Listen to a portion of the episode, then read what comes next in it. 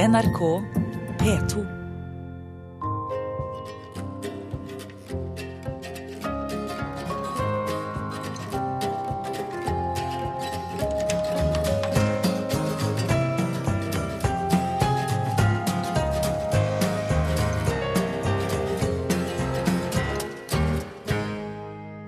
Hei, og velkommen til Mitt sommer i P2.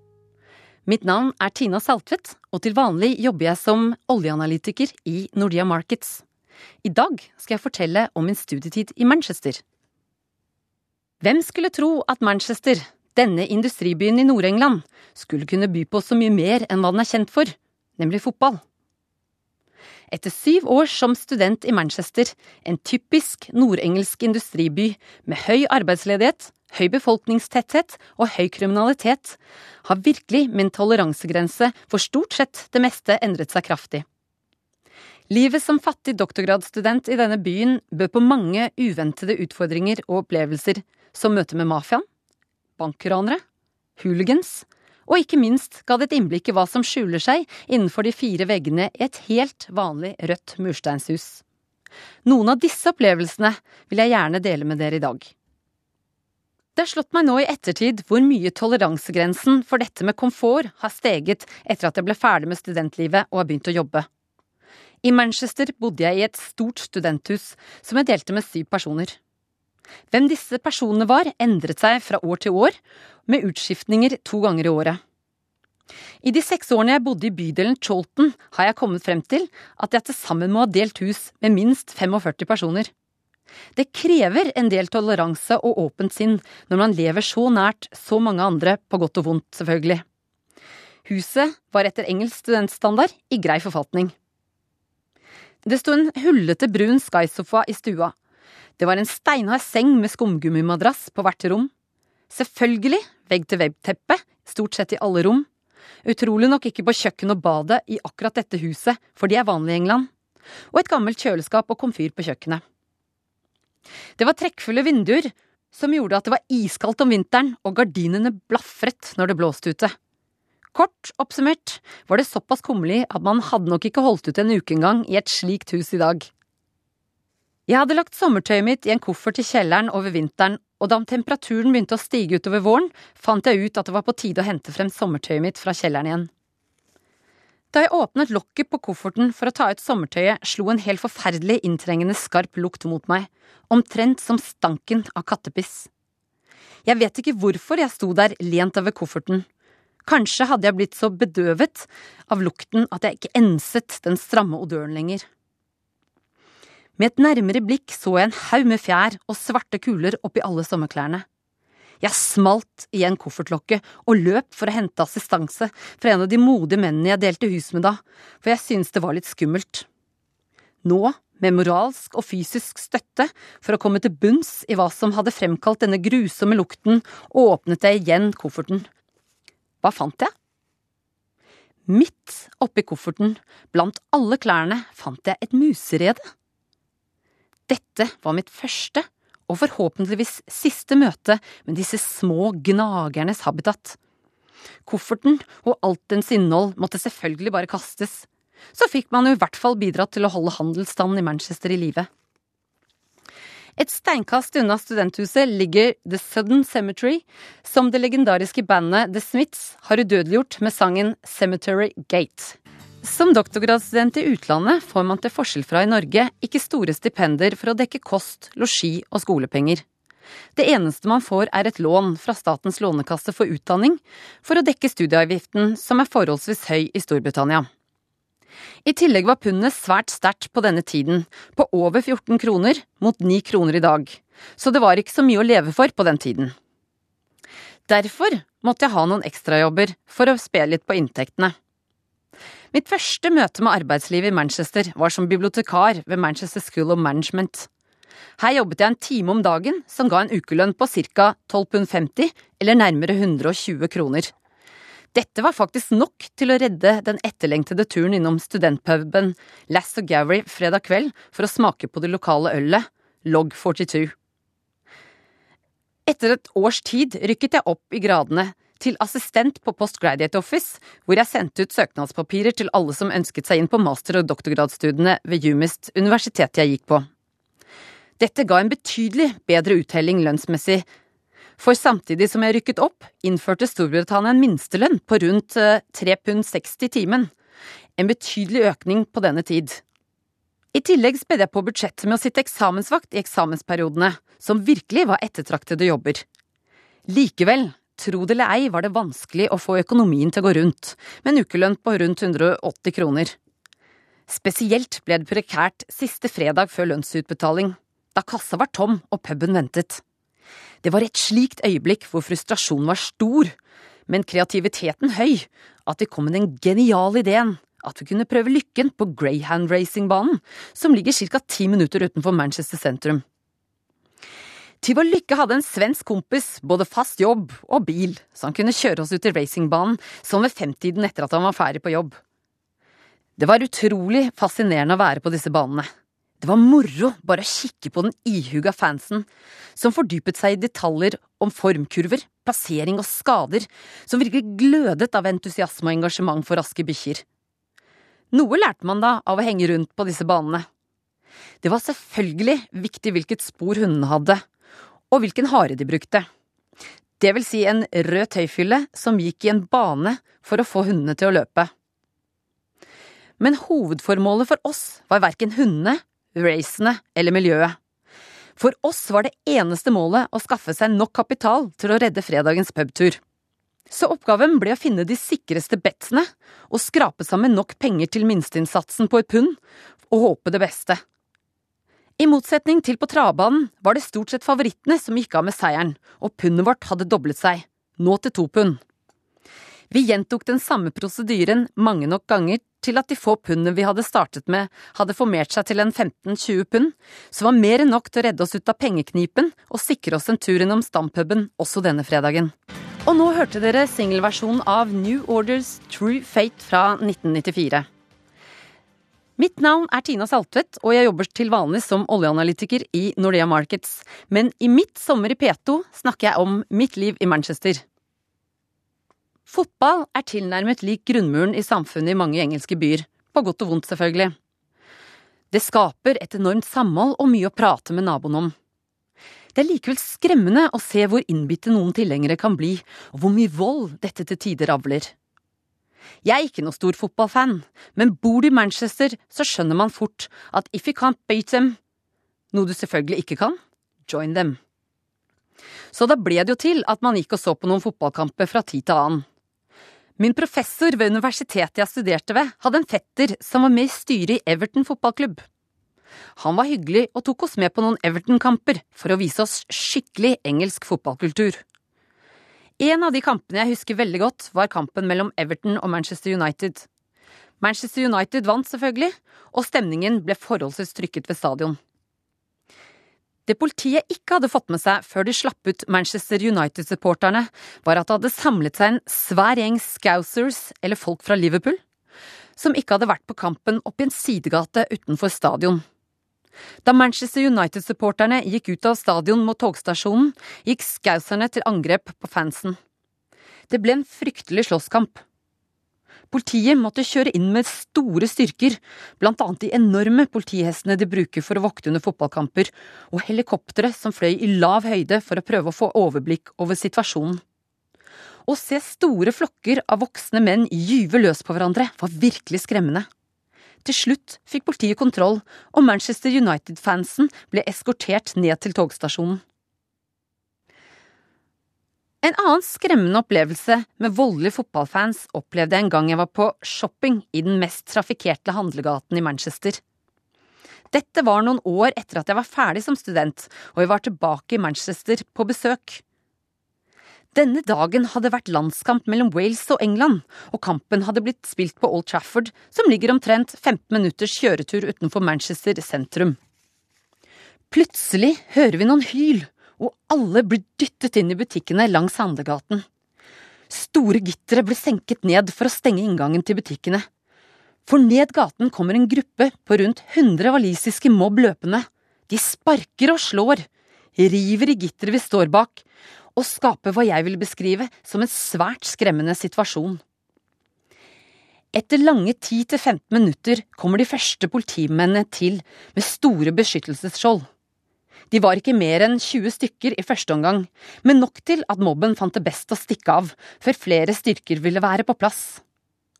VM i fotball har flere ganger blitt foreslått som vinner av Nobels fredspris. Hvor denne ideen har kommet fra, er langt utenfor min forstand. Det er ikke mange idretter som bringer med seg så mye vold som nettopp fotball, etter min mening. Og nå hørte dere Stone Roses med Fool's Gold. Som nevnt tidligere har man jo lite penger som student, og etter mange år med studier, til sammen elleve, ble man jo vant til å snu på krona. Det var nettopp en slik dag mot slutten av måneden, før lønningen kom inn på konto, at jeg på vei til universitetet måtte innom minibanken for å ta ut hva jeg trodde ville være mine siste 20 pund. Dessverre var nok beløpet noe mindre enn jeg hadde trodd, så minibanken kunne ikke utbetale det som sto igjen på kontoen, og jeg ble nødt til å gå inn i banken. Selvfølgelig var det lange køer for å komme frem til de to kassene som var åpne, så jeg ble stående og tenke på hvordan jeg skulle få mest ut av de få pundene jeg hadde igjen på kontoen. Da jeg endelig kom frem til kassen og fikk levert kortet mitt til damen bak skranken, skrek hun plutselig til og forsvant ned på gulvet. Først ble jeg litt irritert, for jeg syntes det tok så lang tid før hun kom seg opp igjen så jeg kunne få en oversikt over hvor ille det sto til på pengefronten. Deretter gikk irritasjonen over til bekymring for at damen bak skranken faktisk hadde fått et illebefinnende, så jeg prøvde å lene meg mot vinduet og se ned på gulvet bak kassen for å se hvordan det sto til med henne, men det var ikke mulig å få øye på henne. Da jeg igjen løftet blikket og så meg rundt i rommet, merket jeg at alle gardinene i vinduene mot bakrommet i banken var trukket for. Dørene var lukket, og så å si alle de andre kundene bortsett fra én var borte. Først da gikk det opp for meg hva som egentlig var i ferd med å hende. Mannen som sto ved skranken ved siden av meg, var en bankraner. Han hadde hetten på genseren sin dratt godt nedover pannen, og han hadde en pistol i hånda. Det var noen nervepinne sekunder. Det var først etter at raneren hadde kommet seg ut av banken at skrekken virkelig tok meg. Hva hadde raneren gjort hvis han ble desperat? Det mest pinlige med hele episoden var hvor lite jeg egentlig kunne fortelle politiet. Jeg hadde jo brukt mesteparten av tiden til å irritere meg over de få pundene som det tok så lang tid å få fatt i. Men nå skal vi ta et lite krumspring. I sidebygget til denne banken finnes puben hvor det legendariske diskobandet Bee Gees jobbet. Dere skal nå få høre Bee Gees med You Should Be Dancing. Eight Oak Avenue var et av disse typiske engelske mursteinshusene, hvor huseieren ikke løftet en finger for å holde det i stand hvis han ikke måtte. Dusjen var selvfølgelig elektrisk, hvor den elektriske ledningen sto en stor bue ut av veggen og rett inn under selve dusjhodet, hvor vannet renner. Handyman hadde ikke rukket å bli helt ferdig med å mure igjen veggen etter forrige reparasjon, og var heller ikke veldig stresset for å komme tilbake for å fullføre arbeidet. Episoden som jeg kanskje husker best, var da huseieren hadde bestemt seg for at vegg-til-vegg-teppene var blitt såpass nedslitt, spesielt i trappa, at de skulle skiftes ut over hele huset. To dager før utskiftningen skulle finne sted, kom huseieren innom for å velge ut hvilke farger han skulle ha på teppene i de ulike rommene, og for å gi oss instrukser om hvordan vi skulle få ryddet. Siden vi likevel skulle bytte ut alle teppene i huset den uken, var det jo ikke noe vits å støvsuge, så smulene og rusket hadde samlet seg godt opp, kan man trygt si. Da teppeleggeren endelig kom, ba de oss om å forlate huset i en to timers tid, så vi ikke gikk i veien, for de ønsket å få jobben unnagjort så fort som mulig. To timer? Nei, vi måtte ha hørt feil. Det ville jo være umulig å skifte ut teppene i et treetasjes hus med seks soverom, stue, gang og alle trappene på den korte tiden. Men nei, der tok vi skammelig feil. Teppeleggerne klarte det med glans. I motsetning til hva vi trodde, fjernet de nemlig aldri de gamle teppene.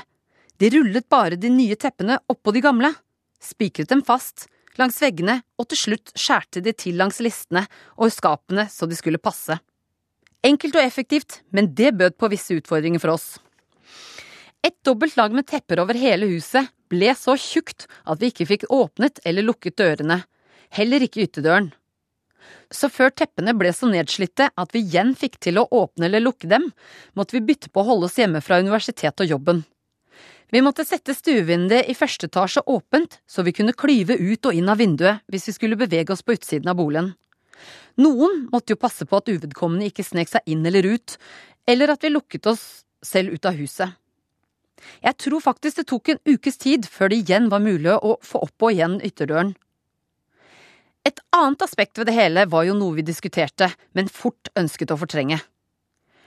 Hva skjedde egentlig med alle smulene og støvet vi ikke hadde fått støvsuget bort før de nye teppene ble lagt?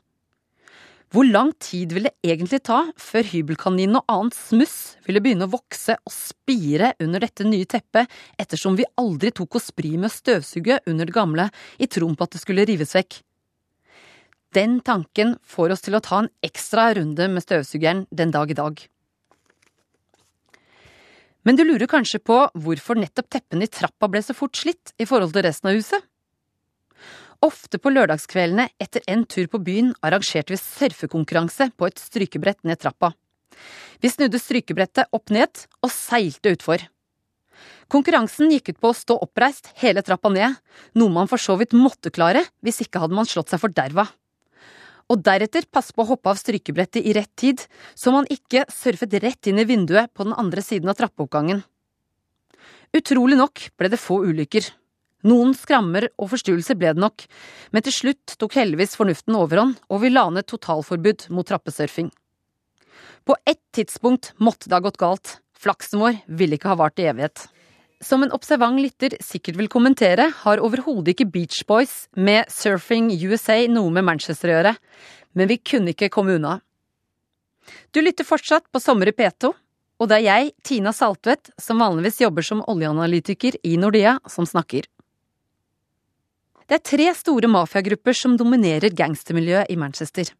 Det er den italienske, russiske og kinesiske.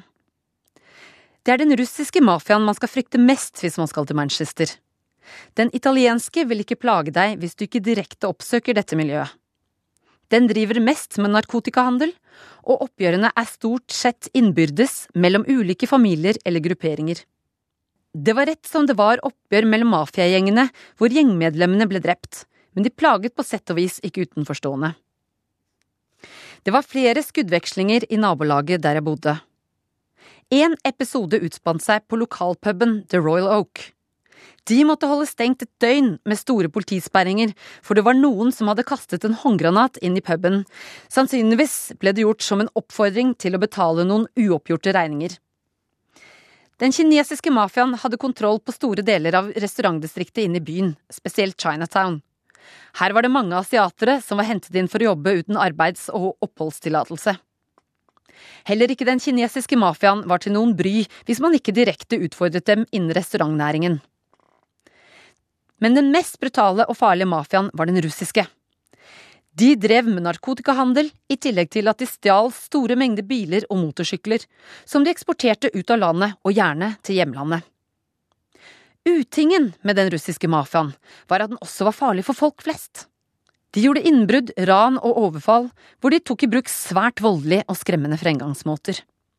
Studenter var ofte ofre for innbrudd og kriminalitet. Mafiaen visste at blant studenter var det vanlig å eie PC-er og stereoanlegg. De sjekket ofte søppelkasser ved starten av hvert studieår for å sjekke hvem som hadde flyttet inn og kjøpt nytt elektronisk utstyr. Var man fersk nok, eller ubetenksom nok, til å kaste innpakningen til PC-er eller serieanlegg i søpla? Var det slett ikke uvanlig å vente seg uinnbydende gjester noen dager etter. En norsk førsteårsstudent opplevde hvor rå disse gruppene kan være, kort tid etter å ha ankommet Manchester for første gang. På vei hjem en tidlig septemberkveld merket han at en bil forfulgte han. Han prøvde derfor å løpe til studentbyen, men rakk ikke frem i tide og ble tvunget inn i en bil. Med en kniv presset mot magen ble han kjørt til en minibank og tvunget til å ta ut alle pengene han kunne få ut. Deretter ble han kjørt til studentbyen, hvor de fulgte han opp på rommet og tok med seg alt det elektroniske utstyret han nettopp hadde investert i. Deretter dro de han ut i bilen igjen, banket han opp før de til slutt slapp han. Det gikk ikke mange uker før han pakket sekken og reiste tilbake til Norge igjen for godt. Det finnes dessverre altfor mange av denne type historier. Og nå litt mer musikk. Vi skal høre det kjente Manchester-bandet Happy Mondays med Step On. Terrorbomben som ble sprengt her i Oslo 22. juli, fikk meg til å tenke på en av de mest skremmende episodene jeg husker fra Manchester. Dette skjedde i 1996, da Storbritannia arrangerte fotball-EM. IRA hadde plassert en varevogn med 1,5 tonn gjødsel og eksplosiver midt mellom to av Manchesters travleste handlegater lørdag morgen klokken 09.20. Cirka et kvarter senere ringte IRA inn en kodet melding til Granada Studios, hvor de oppga hvor lastebilen sto parkert, og at den ville sprenge innen en time. Politiet startet arbeidet med å evakuere alle de 75 000 menneskene som arbeidet og shoppet i sentrum denne dagen. Jeg var heldigvis ikke inne i sentrum akkurat på dette tidspunktet. Jeg ventet på at broren min skulle komme på besøk fra London for å se noen EM-kamper sammen med en gjeng kamerater fra Norge. Politiet prøvde først å detonere bomben, eller å gjennomføre en såkalt kontrollert sprengning, men så tiden gikk fra dem. Omtrent på minuttet en time etter at lastebilen var parkert, gikk bomben av. Utrolig nok var det ingen som døde, mens 212 personer ble skadet. Likevel holdt storparten av sentrum i Manchester på å gå med, og deler av sentrum var stengt i mange, mange år etterpå. Etter at den første bomben ble sprengt, ble det sagt på nyhetene at IRA hadde plassert ut to andre bomber, hvorav den ene på togstasjonen. Da nyheten ble kjent, ringte broren min fra en telefonkiosk på togstasjonen i Manchester. Under samtalen sier han at han må legge på, for de ble jaget ut av stasjonen fordi en mystisk pakke hadde blitt observert utenfor en av inngangene. Et par minutter etter at jeg hadde snakket med broren min, ringer en av kameratene hans som lurer på hvor det blir av han. Han hadde akkurat hørt på radioen at bombe nummer to hadde gått av på togstasjonen. Da grep angsten meg. Du kan trygt si at det var de lengste 15 minuttene jeg hadde hatt før det endelig banket på døren. Og der sto han i levende live. Det kom mer enn en tåre i øyekroken da. Det viste seg i etterkant at det slett ikke var noen bombe på togstasjonen, eller noen andre steder. Bomben som gikk av i Manchester, var den største som ble sprengt på britisk landjord etter krigen, og til sammen ble det gjort skader for omtrent 1 milliarder pund, eller rundt 8,5 milliarder norske kroner. IRA truet flere ganger før våpenhvilen kom i stand under langfredagsavtalen i 1998 med hva som på folkemunne har blitt omtalt som julebombene. Flere år i førjulstiden kom det trusler om at IRA ville angripe mål i Storbritannia. Man ble oppfordret til å holde seg unna store kjøpesentre og store ansamlinger i disse periodene. Heldigvis har det blitt betraktelig roligere etter at våpenhvilen kom i stand. Dette var noen av opplevelsene jeg nå sitter igjen med etter mange år som student i Manchester. De har definitivt bidratt til å utvide mitt syn på verden, og ikke minst øke forståelsen og synet på andre mennesker og samfunn. Selv om mange av episodene var både skremmende og slitsomme, ville jeg aldri vært dem foruten. Manchester, med alle sine utfordringer, har og vil alltid ha en stor plass i mitt hjerte. Og jeg vil gjerne avslutte med den sangen fra Manchester som får mitt hjerte til å blø aller mest. Det er nemlig Oasis med Wonderwall.